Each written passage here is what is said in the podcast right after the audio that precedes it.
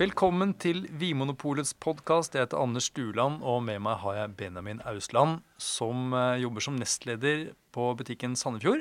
Og så har du lang fartstid som eh, eh, restaurantsjef og servitør i ulike restauranter i Norge, bl.a. Theatercaféen, Maemo og Under.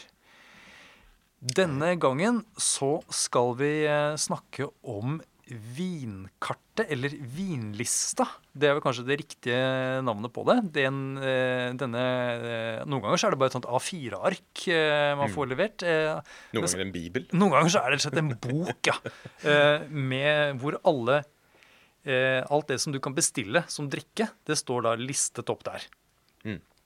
Det er jo et For oss vinfolk så er jo det kanskje vel så interessant som selve matmenyen.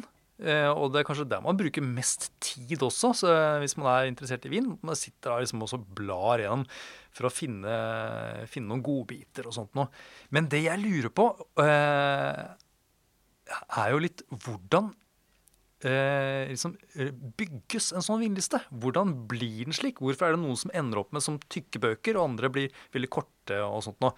Eh, så jeg lurte på om vi ikke bare kunne bare begynne med det med eh, Fins det ulike typer konsepter? Altså, Fins det ulike typer vinlister? Er det noen sjanger eller noe? Absolutt. Og veldig, veldig mange. En drikkemeny kan jo ofte bli eh, styrt av eh, spisestedets uh, konsept. Ja. La oss si det. Så it it italiensk restaurant, italienske viner som regel. Ofte. Ofte.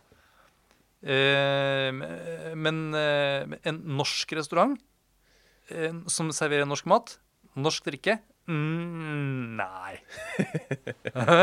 Nei, men vi tar det ofte for gitt da, hvis vi drar på et uh, fransk brasseri, uh, at den inneholder uh, Denne drikkemenyen inneholder en stor tyngde av vekt av franske viner. Mm. Eh, ta det som et eksempel.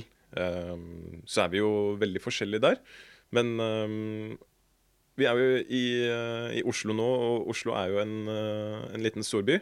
Der hvor det er utallige spiseplasser og muligheter for å kunne velge mellom en pokebolle til en eh, 22 serveringsmeny. Mm.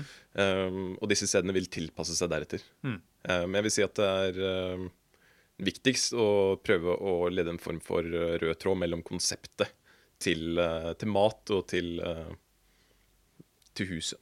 Mm. Mm. Ehm, så um, hvis jeg går inn på en, rest en italiensk restaurant da, uh, og ser at det er stort sett italienske viner på det, den vinlista, Mm. men så er det da uh, f.eks. et par amerikanske og noen franske, hva er grunnen til at det liksom kan dukke opp noen sånne eh, uvanlige ting i en sånn type vinliste? Hva, hvorfor Det trenger ikke være er uvanlig heller. Um, jeg tror det kan være flere grunner til det. Ofte så er det jo gjerne en, um, en liten gruppe med litt interesserte folk på en slik plass. Gjerne det er en vinkelner eller et par stykker eller opptil flere. Som er um, litt mer enn uh, den daglige gjestens uh, interesse. Og de ønsker jo selvfølgelig en bredde i deres uh, hverdag å kunne anbefale og kunne leke seg med, om vi vil. Eh, nå er vi veldig heldige i butikk. Eh, vi som eh, får en eh, kunde eh, som sier eh, 'Hei, jeg har lyst på noe nytt og spennende. Kan du vise meg noe?' Så er jo det en eh, enorm stor glede for oss i butikk å kunne vise fram et så stort spekter som vi gjør på Vinmonopolet. Ja, for dere har jo en, vin, har en Men- stor vinliste, på en måte. Eh, Ja, altså- butikken er vinliste. ja. Ja, butikken blir jo en altså, La oss ta det som et begrep, da. Ja. Men um, ned i en restaurant med et så eh, tilspisset konsept, sånn som en fransk liten uh, sidekafé, eller om det skal være en uh, gresk restaurant, så vil det jo by på noen av deres eh, eh, matchende favoritter Ja. fra hjemlandet. Ja. Vil vi ikke det? Jo. Er det noen eh, hva skal jeg si, Er det noen tegn til For du sa at det, noen ganger så er det jo en restaurant hvor folk som jobber der, de er interessert i, i vinene. Eller veldig ofte er det sånn. Mm. Men er det noen tegn du kan se etter i et sånn, en vinliste om den er laget av folk som bryr seg? Det vil jeg Eller, si. eller motsatt. Du nevnte dette her med en enkel A4-side som et eksempel uh, i Sanders. Eh, og det er vel, uh, kall det, oftest at vi får se. En uh, liten blokk med uh, musserende kanskje til å begynne med, og noe alkoholfritt eh, kanskje enda, enn, enda tidligere enn det. eh, med noen varianter av øl, hvis ikke det kommer helt bak. eh, for å så påfølge med hvitt eller rødt. Og så Ja. ser du noen plasser, eh, sånn som du nevnte, med en større bok eller en, eh, et leksikon da, eh, av valg. Så ser du kanskje at man bryter fra museene ned til områder av museene, eh, hvor det beveger seg så over til hvite viner som oftest, i rekkefølge. eh, Og bryter ned i underkategorier under at du har delt ned i land. Så det her er veldig mange måter å gjøre det på, men ofte så tror jeg vi ser at det er museene, hvitt og rødt. Og etter det så vil det være veldig vanlig å kunne se enkeltplasser har også delt ned i land. da, At Ja. du kan se hvor, de, hvor disse vinene er fra. Men tenker du at en eh, vinliste som er eh, veldig detaljert, og som inneholder veldig mange viner, at det er et tegn på at, eh, at det er bra saker? At det er folk som er interessert, som jobber der, og at kvaliteten er høy? Da vil jeg jo falle litt til ro da, med å vite at eh, her er det nok noen som tar ansvar for å børste støv av flaskene nede i kjelleren, og som er litt sånn stolt og viser fram et, eh, eh, en større bredde. Ja. Og som også kan påta seg en liten sånn skryt, eller en sånn liten sånn eh, følelse at eh, hei, hei, dette, dette har jeg i kjelleren, og dette kan jeg. Så ja, kanskje det er en ledetråd på å vite at uh, der du sitter nå, der er det en eller annen som har høy kunnskap eller høy bredde innenfor uh, vinens verden. Og sånne veldig omfattende vinlister de er vel gjerne et tegn på at restauranten har vært der en stund også, er det ikke det? Eller, man, eller så må de ha arvet kjelleren. Det, tar- det tar jo ganske lang tid å, å bygge seg opp eh, en, eh, en kjeller som er, som er stor, er det ikke? Jo, Ja, eh, og så det- hører vi ja. også om eksempler på nyoppstartede restauranter som har levd i eh, Jeg sier levd, men har eksistert i eh, et par år til eh, underkant av ti år, som, som rett og slett klarer å bygge opp en vinkjeller fordi at det, det gjerne sitter en investor eller en restaurantgruppe i bakkant som sier at vi ønsker å ha kapital i vinkjelleren. Eh, Vi ønsker å eh, sørge for at vi har den eh, fresheste vinlista i byen. Um, nå er det jo også titler som går på det å ha flest eh, viner på glass, eller å ha best vinliste, eller å ha mest omfattende vinliste.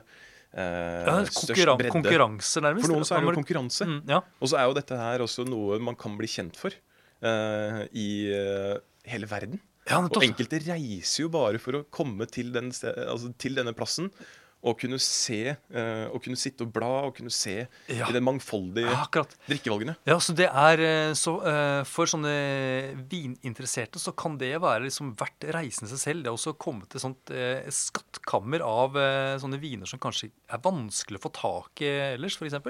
Ja. Ja. ja. Men eh, er, det noen, er det noen ulemper for restauranten å ha en svær vinliste? Eller er det, eller er det bare bra? Både og.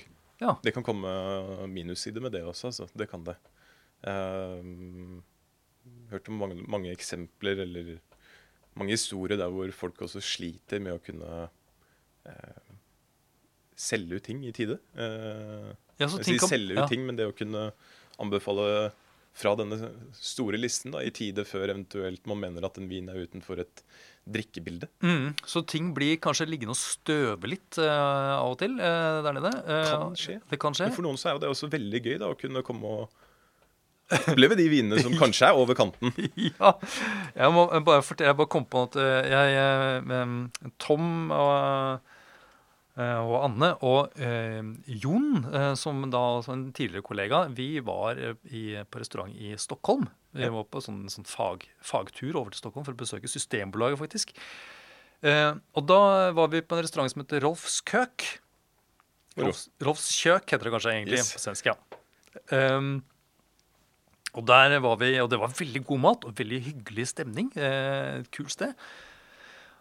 Og da eh, fant vi noen sånne perler, syns vi, i, eh, i eh, vinlista. Det var ikke blant de dyreste vinene, bare egentlig litt ganske lavt prisa. Mm. fra et sånt litt ukjent område sørvest i Frankrike. Mm. Um, hvitvin som hadde uh, en del år på baken. Mm. Og den var sånn ordentlig sånn nesten gulbrun uh, på, på farge. Eh, Den syns vi var ganske, ganske spennende. Og så bestilte vi en annen vin som var fra eh, også var gammel. Mm. Og maten var så god der, og stemningen var så god, så vi eh, bestilte bord der dagen etter òg, faktisk. Gøy. Istedenfor å gå et annet sted. I en storby som Ja. Stockholm. Men når vi kom tilbake da, så, eh, når det kom da, så var det han samme fyren som eh, serverte. Mm. Så han, eh, når han spurte hva vi skal ha å drikke, så spurte han ja, vil ni ha litt mer oksiderad vin. Moro at han er så direkte. så han var helt klar på det at eh, dette, det han hadde, vi hadde valgt fra vinlista, det var viner som på en måte var eh, kanskje over middagshøyden. da, Men ja. vi syntes det var spennende. Gøy. Eh, Så det var ek- eksempler på sånne ting som blir eh, liggende litt Men han var ikke, så han, han solgte det ikke inn på noen måte. Men når, en restaurant da som ser at oi, her begynner vi å få eh, Her har vi en kasse med vin Mm. som egentlig bør ut snart. Ja. Vil restauranten da liksom prøve å selge det til kunden? Det er en uh, fin balansegang mellom det der å Ja. skulle prøve å pushe uh, et slikt salg. Det er det. Jeg vil si at de fleste gjør ikke det. Hvis du sitter med en slik vi- eh, vinliste, så er du kapabel til å kunne selge fordi at eh, du og jeg er ulike, og du og jeg vil ha forskjellige ting. Så når vi er på den restauranten, så klarer de i gjennomsnitt å kunne selge ut disse vinene. Men så er det enkelte små begrep i en fine dining-restauranter som kanskje sitter med litt for mye vin i kjelleren sin, og som opplever at ting eh, går over eh, en viss eh, dato. Ja, Um, det kan jo være litt uheldig. Det kan det. nettopp. Men jeg vil si at som oftest så er ikke det et problem. Nei. Ka- Kan de, kan de sette det på Kan de sette på sånn tilbud eller noe? At det er sånn nedsatt pris? Kan, det, kan, kan man gjøre det? Tilbud eh, er jo ikke helt uh, lov innenfor eh, alkoholreglementet i Eller alkoholservering i Norge. Nei. um, Så du kan, ikke, du kan ikke skrive 'denne vinen har vi satt ned prisen', eller det er Du kan, du kan jo endre priser på en vinliste. Ja. Uh, man endrer jo gjerne en, eh, en gangetabell. Eh, når vi prater om en vinliste, så er jo den ofte eh, inneholdt av eh, priser som du ikke vil eventuelt se på Vinmonopolet. Og det er jo fordi at det spisestedet eller det serveringsstedet skal jo tjene noe på disse dråpene. Og jeg vil si at eh, tilbud det er ikke helt heldig, Anders. Nei, men, man, Det men, men det går an å ha en annen kalkyle på den. Altså, Det går an å ha at en du, kan, du kan kalkyle, det det. Du kan du kan endre endre- pris på den, men du, du kan ikke annonsere det som en Som nedsatt eh, pris eller noe. Nei, Nei. skjønner. Um, ja, Apropos det med priser, eh, Hva, hva er liksom, den vanlige kalkylen for uh, Um, Hva der er- opplever jeg en, en stor forskjell her i, i byen. Eh, og det som eh, for mange eh, kanskje er en eh, påfølgende trend nå, det er å følge en sånn tre til fire og en halv eh, gangen i pris. Eh, altså innkjøpspris minus momsen deres fra importør. For de vil jo ikke handle på Vinmonopolet som oftest.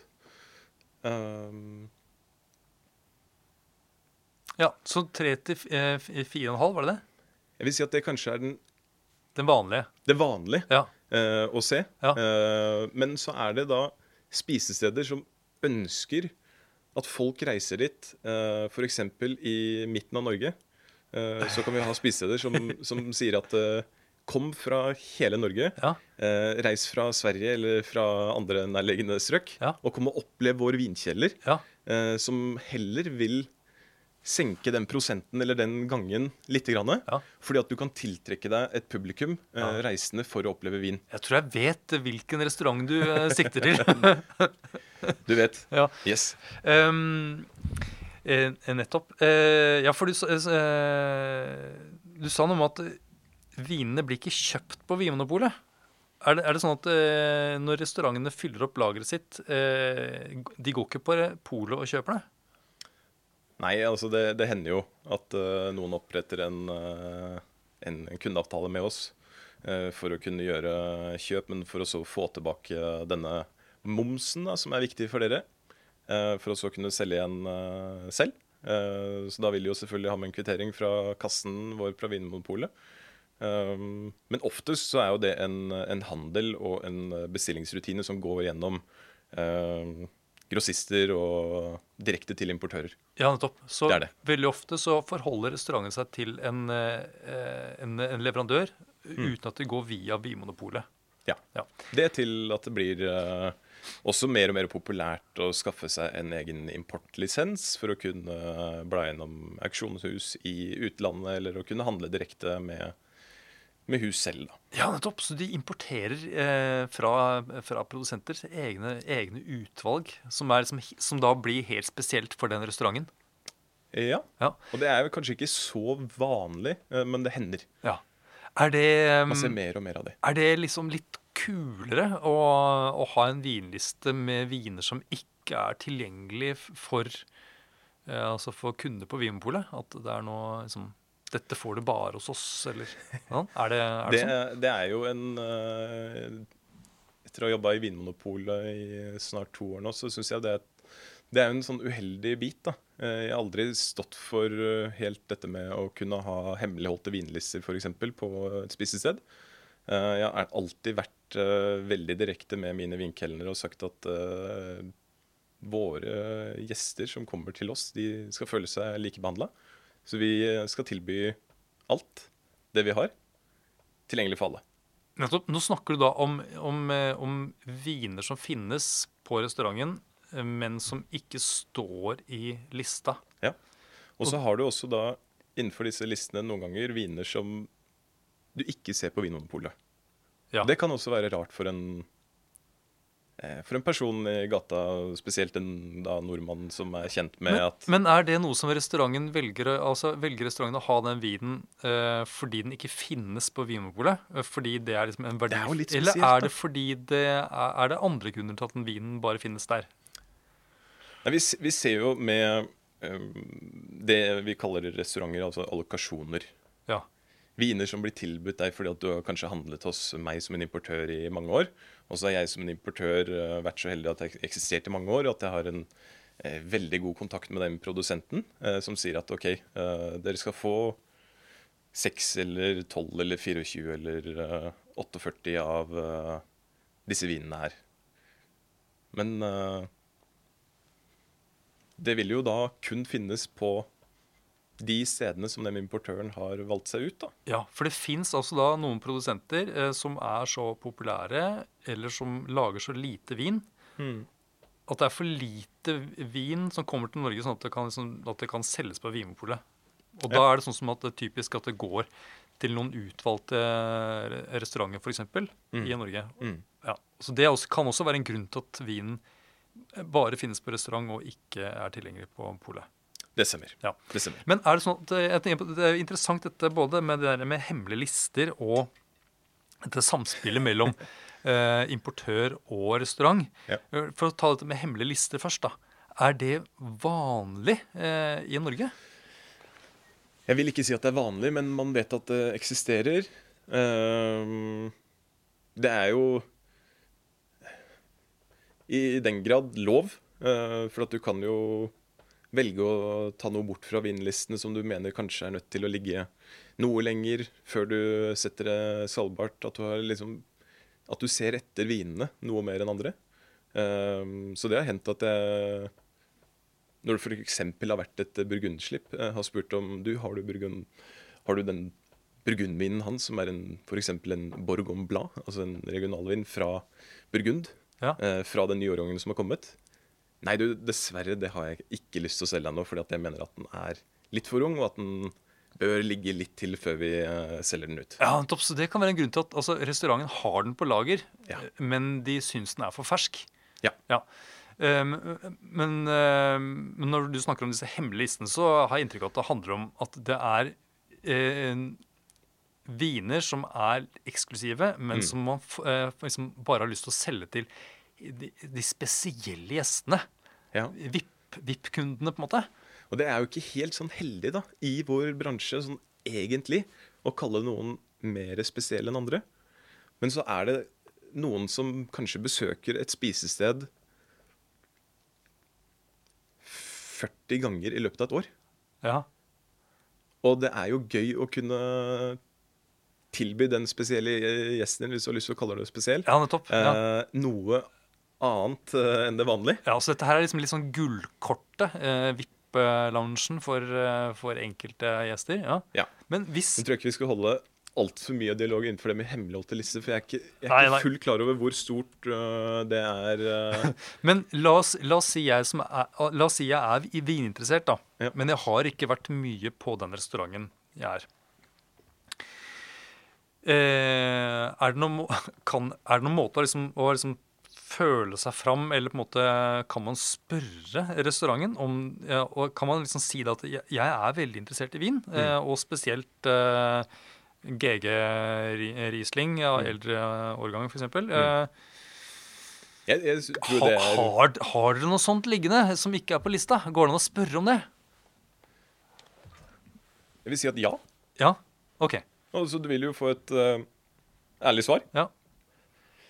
Plutselig så har du en, øh, som vi prata om i stad, en øh, større øh, bok eller en stor vinliste som inneholder veldig mange artikler, og så leser du deg ferdig i den, og så kan kanskje vinkelneren eller sommelieren komme bort til deg og spørre Men du har ikke lyst til å bare bli med ned Ja, eller bort ja. i kjelleren og titte på, titte på det? Ja, for det også er sånn som man kan gjøre. Eh, Ja, altså Hvis du er et sted hvor det er en omfattende vinliste, Ja. eh, og du er vininteressert, så mener jeg at det er eh, for all grunn lov til å spørre om å komme og se på vindkjelleren. Og hvis det er sånn at eh, vedkommende da svarer at eh, du, akkurat nå så er vi midt i uh, stormens hete. Akkurat nå uh, så er det litt for mye som skjer. Ja. Men uh, etter vi har servert ut uh, f.eks. hovedrettene, ja. og kjøkkenet har beveget seg opp på desserten, og kvelden begynner å ta slutt, så har jeg tid til å vise dere. Kult. Det kan være litt gøy. Ja. Hvem er det som eh, Ja, det var det med importør og, eh, og restaurant. Hvor, hvordan, på en måte, hvordan skjer det? Er det sånn at kommer importører på besøk på restaurantene og liksom selger inn eh, produkter eller eventuelt ferdige vinlister eller eh, konsepter og sånn? Eller eh, hvordan, hvordan foregår dette her? Um, Det er jo øh, Ja, nå er jo Vinmonopolet kjent med at vi har veldig mange øh, på gulvet vårt som er øh, fra restaurantbransjen. Og det bryter fra å gå fra restaurantbransjen til Vinmonopolet, det kan jo for noen være eh, ikke vanskelig, men det kan være litt sånn eh, Det kan være litt rart, da. Fordi at du er vant til å kunne eh, prate med importørene. Du er vant til å ha importørene eh, ringende og sende mail med eh, nyheter eller nyankomne årgangene. Eh, ønsker å sette opp en smaking. Kanskje du deltar på en, en stor smaking sammen med andre restauranter og andre interesserte. Ja, nettopp. Eh, så er det et, et tett bånd ofte da, mellom importør og restaurant. Ja.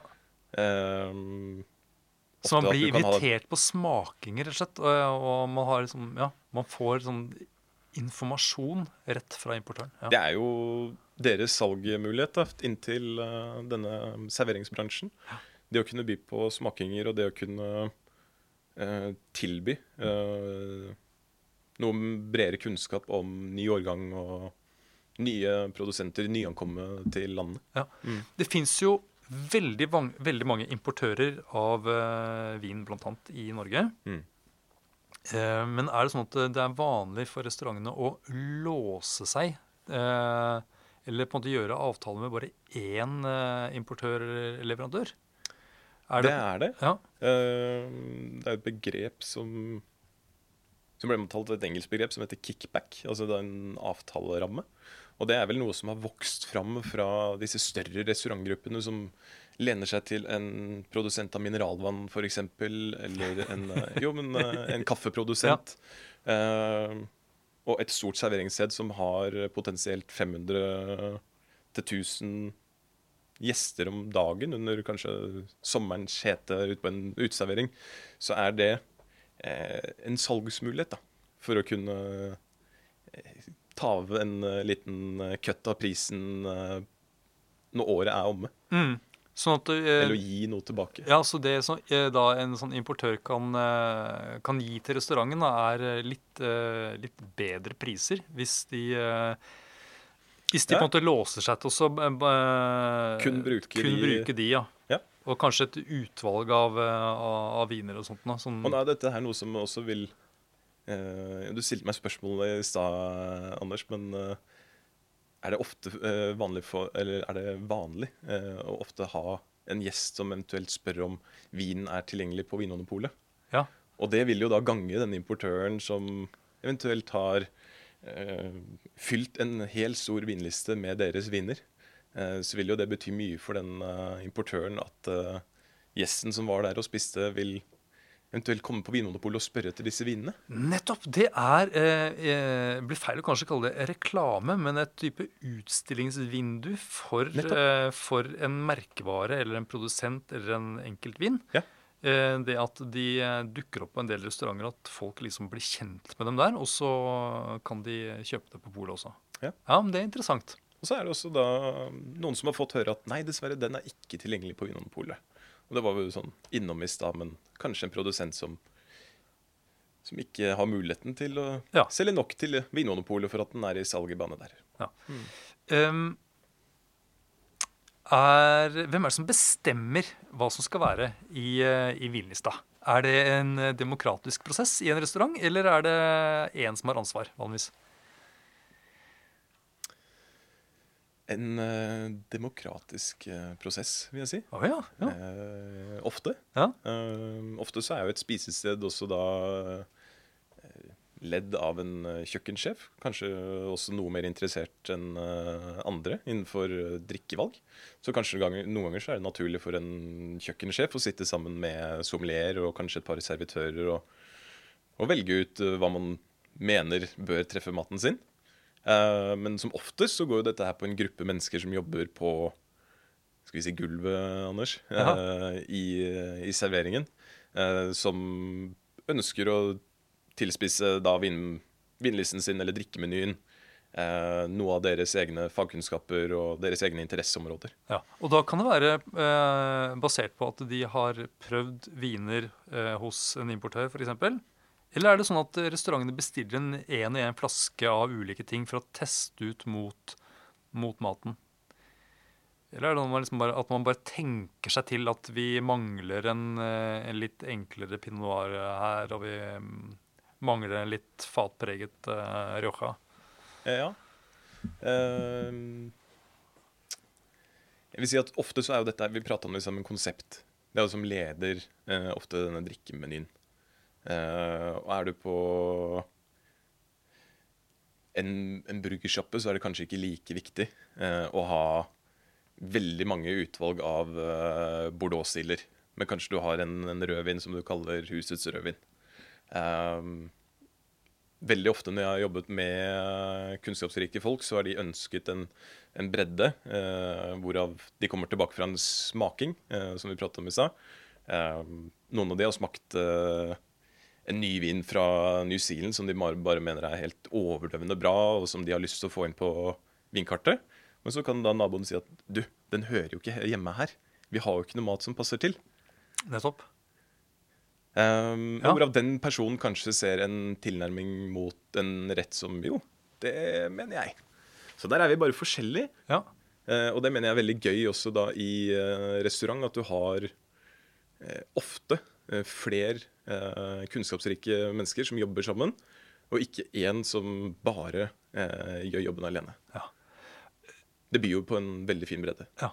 Eh, er det noen eh, Sånn til slutt, er det noen trender i, eh, i liksom i restaurant- og vin- eller drikke, drikkelista? Er det noe, på en måte, hva er det som er hot nå? Hva er det som er, eller hva er det du tenker Hva er det det kommer mer av?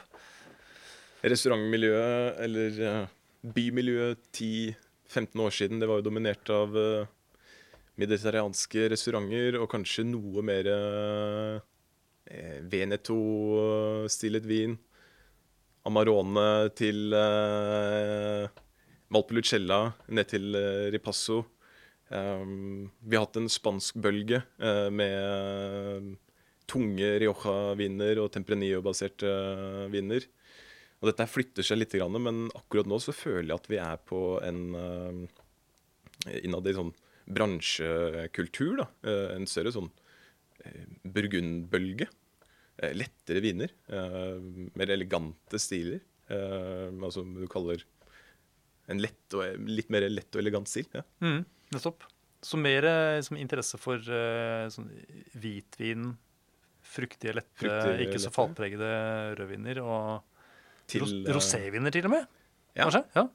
Rosévin er liksom blitt uh, sosialt akseptert greit å bestille ja. ute på en, uh, på en flottere restaurant, og det er jo kjempegøy å se. Ja. For det finnes jo like mye der å velge mellom som det du gjør ellers i vindens verden. Ja. Men det som også er veldig gøy å se nå, det er at det nyere verdensbildet, altså vi kaller det nyere verden uh, Du har kanskje en annen term for dette her, Anders. Men vin utenfra Europa, ja. den gamle verden, som vi kaller det i uh, vinspråket. Ja.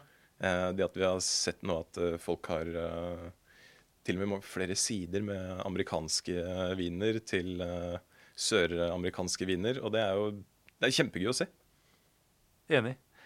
Hva med naturvin og oransjevin og sånt nå? Er det, det er en... et blaff, eller vil du tro at det er noe som uh, vil, vil liksom bli vanligere på, på vinlistene?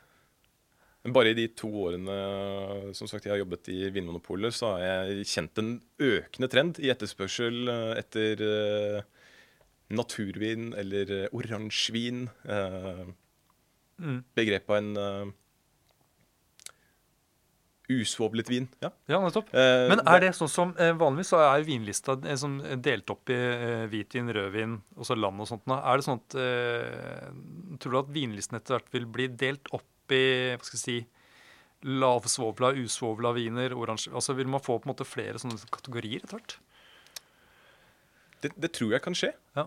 Eh, kanskje som en egen post, altså for å, for å framheve. Eh, gjøre det litt enklere for Ola Nordmann å se at eh, denne er uh, oransjevin. Uh, dette er en naturvin. Uh, vi ser jo veldig ofte at det kan inneholde begrepet biodynamisk eller økologisk. Man lager jo ikke en egne poster for dem, men at de får en egen tittel eller en sertifiseringsmerknad på vinlisten. Ja. eller at vinen heter noe sånt som bio, uh, f.eks. Men jeg tror, jeg tror, dette med oransjevin og naturvin, det, det trenger vi litt hjelp. Eh, for å forstå begrepene. Og da tror jeg det kan være naturlig med tiden nå at vi ser at vi får en egen post kanskje nederst eh, etter rosévin, eh, eller før rosévin. Eller etter dominansen av hvitvin, ja. før man kommer til kapittelet rødvin. Ja.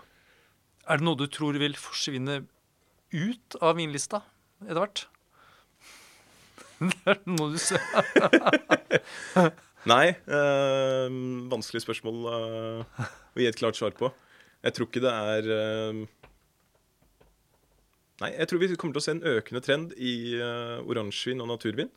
Det er en bølge som beveger seg kanskje sånn stort sett fra København-området, som er veldig veldig kjent for å ha utrolig mange drikke- og spisesteder som kan tilby enorme mengder med naturvin og oransjevin.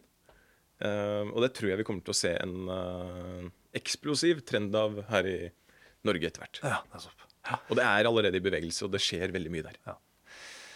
Vi går altså mot en tid der det kanskje blir enda tykkere vinlister. Eh, kanskje? Ja. Det, er enda, altså det, er enda, viktigere for folk nå å, å ha eh, et større ja. Eh, tilbud når det kommer til vin. Eh, og så er det sånn at vi blir bare flere i landet vårt. Vi blir bare eh, flere i bransjen. Eh, enda flere faglærte. Så det er, det er klart at det, det er voksne, det òg. Mm. Og så kanskje jeg skal begynne å kalle det for drikkeliste istedenfor vinliste. For det er jo tross alt mer enn bare vin i disse listene. Ja. Eller det bør jo være det. Ofte så ser vi jo at det er et eget kapittel for uh, bl.a. øl. Ja. Uh, og så er det selvfølgelig veldig viktig å kunne tilby uh, gode mengder med alkoholfritt. Ja. Mm. Og hva er, det, hva er dine, dine, favoritter da når det gjelder alkoholfritt? Hva er det som bør være på drikkelista når det gjelder alkoholfritt? Melk? Er det Det er jo ut... Eh, jeg svarte Jeg begynte på et ans... eh, Begynte på et ansvar her, Anders. Men eh, nei, melk tror jeg ikke er så ofte. Eh, tilgjengelig å se på eh, en, drikke, en drikkeliste. Men uh, det er jo veldig, veldig gøy å se norsk frukt og bær, da. Ja, nettopp sånne bær- og fruktmoster. Ja. Kombucha, har- da, er det noe eh, Kombucha er i vinden. Ja, det er vind, ja. økende. Ja. eh. Brus? Håndverksbrus? Fins det? Ja, det fins det. No, noe. Jeg er Ja. ikke så veldig veldig kjent med det. Jeg har aldri jobbet med mineralvann i restaurant. Bortsett fra et par steder som jeg begynte i, i lære på. Ja. Uh, og aldri slitt med egentlig å kunne ikke tilby uh, f.eks. Uh, Pepsi eller Cola. Eller Sprite eller eh, Fanta. Så eh, jeg tror nordmenn de er, eh, de er godt fornøyde med det utvalget vi har på kvalitetsmost av eh, eple og ellers annen frukt og bær. Ja. Og det er jo rimelig tvil den høyeste kvaliteten vi har på most i hele verden. Jeg må jo si meg eh, veldig enig der, altså. Ja. Ja. Det at du har den kontinentale klimaet vårt som byr på smaker av syrlig, søtt og Ja, det er, balanse. Det er Viktig. perfekt. Mm.